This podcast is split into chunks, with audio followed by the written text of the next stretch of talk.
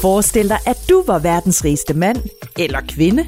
Hvad vil du så bruge dine mange milliarder af kroner på? I det her afsnit af Moneypedia, ja, der handler det netop om den rigeste person i hele verden. Og hvor mange penge den rigeste så egentlig har, og hvad han eller hun kunne købe for alle de mange penge, ja, det finder du ud af lidt senere. For først, der giver jeg nemlig lige ordet videre til Anton.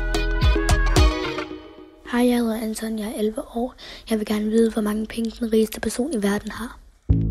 Ja, det vil jeg da egentlig også ret gerne vide. Og for at kunne få svar på spørgsmålet, så lad os ringe til en, der ved rigtig meget om penge og om rige mennesker.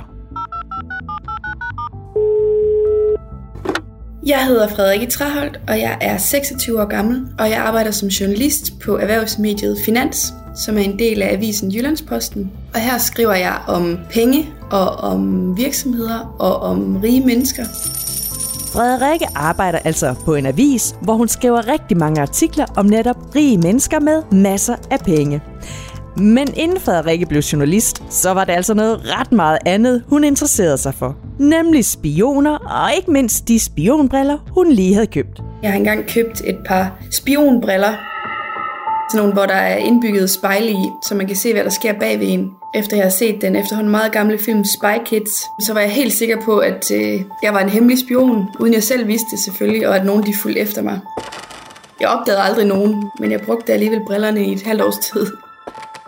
Åh, oh, sejt med spionbriller.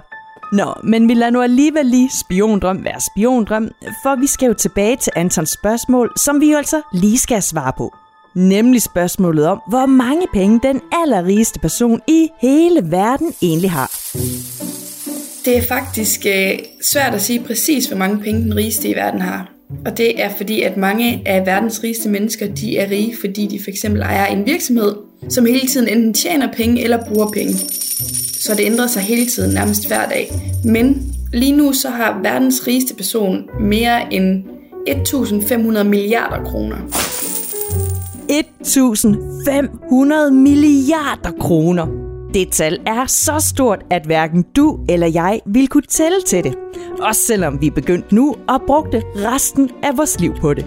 Ret vildt. Og hvad den rigeste person så vil kunne købe for alle sine penge, ja, det kommer vi tilbage til senere. For først, der skal vi altså lige høre, hvem den rigeste person så egentlig er. Det er en amerikansk mand, der hedder Elon Musk. Der er mange, der tror, at det er ham, der har opfundet Tesla, men det er det ikke. Han har bare købt sig ind i firmaet og er i direktør, og det er her, han har tjent de fleste af sine penge. Han har også stiftet en masse andre virksomheder, som han tjener penge på, men han er bedst kendt for at være chef for Tesla. Verdens rigeste person lige nu er altså den amerikanske mand Elon Musk. Og udover altså at være chef for bilmærket Tesla, ja, så har Elon Musk også stiftet andre virksomheder, som han også tjener penge på. Blandt andet har han altså sin helt egen, nå ja, raketvirksomhed. Han har for eksempel brugt nogle af sine mange, mange milliarder på at lave et rumskib, som kan flyve folk ud i rummet.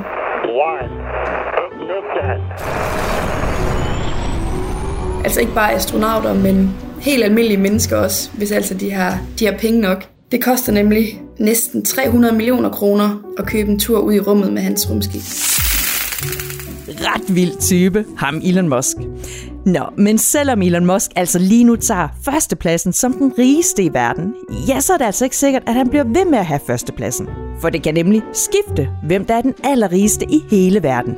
Og hvordan det så hænger sammen, det må vi heller lige få pengejournalisten Frederikke til at forklare.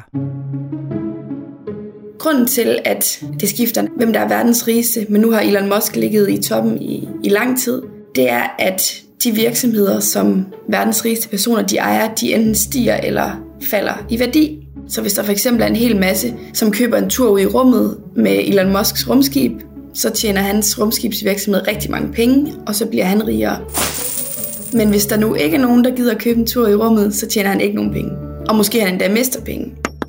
Så altså, hvis den virksomhed, som verdens rigeste person ejer, den bliver mere værd og tjener flere penge, ja, så bliver den rigeste person også endnu rigere. Men taber virksomheden omvendt penge og bliver mindre værd, ja, så mister den rigeste person altså også penge. Og så kan det altså være, at det så i stedet bliver en anden, der tager førstepladsen som den allerrigeste. Nå, men lige nu er det jo altså Elon Musk, der er den rigeste, og som har hele 1.500 milliarder kroner. Og hvis han nu besluttede sig for, at han ville bruge alle sine penge på én gang, hvad vil han så egentlig kunne købe for alle de mange penge? Så kunne han for eksempel købe øh, 500 flyvemaskiner. Han kunne også købe øh, dronningens slot, Amalienborg, mere end 2.000 gange. Og hvis han så var sulten, så kunne han købe 15 milliarder pizzaer. 15 milliarder pizzaer. Med så mange pizzaer, ja, der kunne du og din familie altså spise pizza til morgenmad, frokost og aftensmad hver eneste dag resten af livet. Og der ville stadigvæk være masser af pizzaer tilbage. Nå, men nu har vi så fået styr på, hvem der er verdens rigeste. Men hvad med herhjemme? Altså, hvem er egentlig den allerrigeste herhjemme i Danmark? Den familie, der topper listen over de rigeste her i Danmark, det er en familie, der hedder Kirk Christiansen til efternavn. Og de er i familie med ham, der opfandt Lego. Og da han døde, så øh, arvede hans børn og børnebørn Lego. Og hvis man nu lægger alle pengene sammen, så har de 322 milliarder kroner. Så det er altså ikke helt lige så meget som Elon Musk endnu. Nej, det er det ikke. Men 322 milliarder kroner, det er nu altså også helt vildt mange penge. Nå, men selvom det jo lyder ret fedt at være rig, ja, så kan det altså også, ifølge Frederikke, være ulemper ved at være mega rig og altså have mange penge. Der kan helt sikkert være ulemper ved at være mega rig også. Dem, der er mega rige og kan købe alting, også til deres venner, der er faktisk mange af dem, der er bange for, om de venner, de har, de kun er venner med dem, fordi de køber dyre gaver. Der er rigtig mange af de rigeste i verden, som også er kendte. Og det kan jo sagtens være, at man ikke har lyst til at være det. Hvis man nu ikke har lyst til, at der er paparazzier, der følger efter en og tager billeder, når man skal ud af sit hus. Og en paparazzi, det er altså sådan en slags fotograf, der tager helt vildt mange billeder af kendte mennesker. Nå, men måske du nu tænker, at du egentlig godt gad vide, hvordan man bliver så rig som de allerrigeste i hele verden. Ja, så er det faktisk et spørgsmål, som er ret svært at svare på. Ja, hvordan man tjener så mange penge, øh, det er også et rigtig godt spørgsmål. Det tror jeg, der er mange, der rigtig gerne vil kende svaret på, også mig selv. Sandheden er jo nok, at der desværre ikke er en helt præcis opskrift på, hvordan man bliver verdens rigeste, eller hvordan man tjener så mange milliarder. Det handler nok i princippet om at få en god idé, og jeg tror også, det handler om held. Man kan ikke være sikker på, at den idé, man får, virker. Hvis der er nogen, der sidder derude og har opskriften, så vil jeg også rigtig gerne vide det. Så finder du nogensinde opskriften på, hvordan man bliver verdens rigeste, ja, så husk lige at dele den med Frederikke og med mig. Og husk så også, at hvis du også har et spørgsmål om penge, som du mega gerne vil have svar på, ja, så skal du altså bare sende spørgsmålet til os i en mail på moneypedia Og du kan spørge om alt. Det skal altså bare handle om penge. Ha' det godt, og tak fordi du lyttede.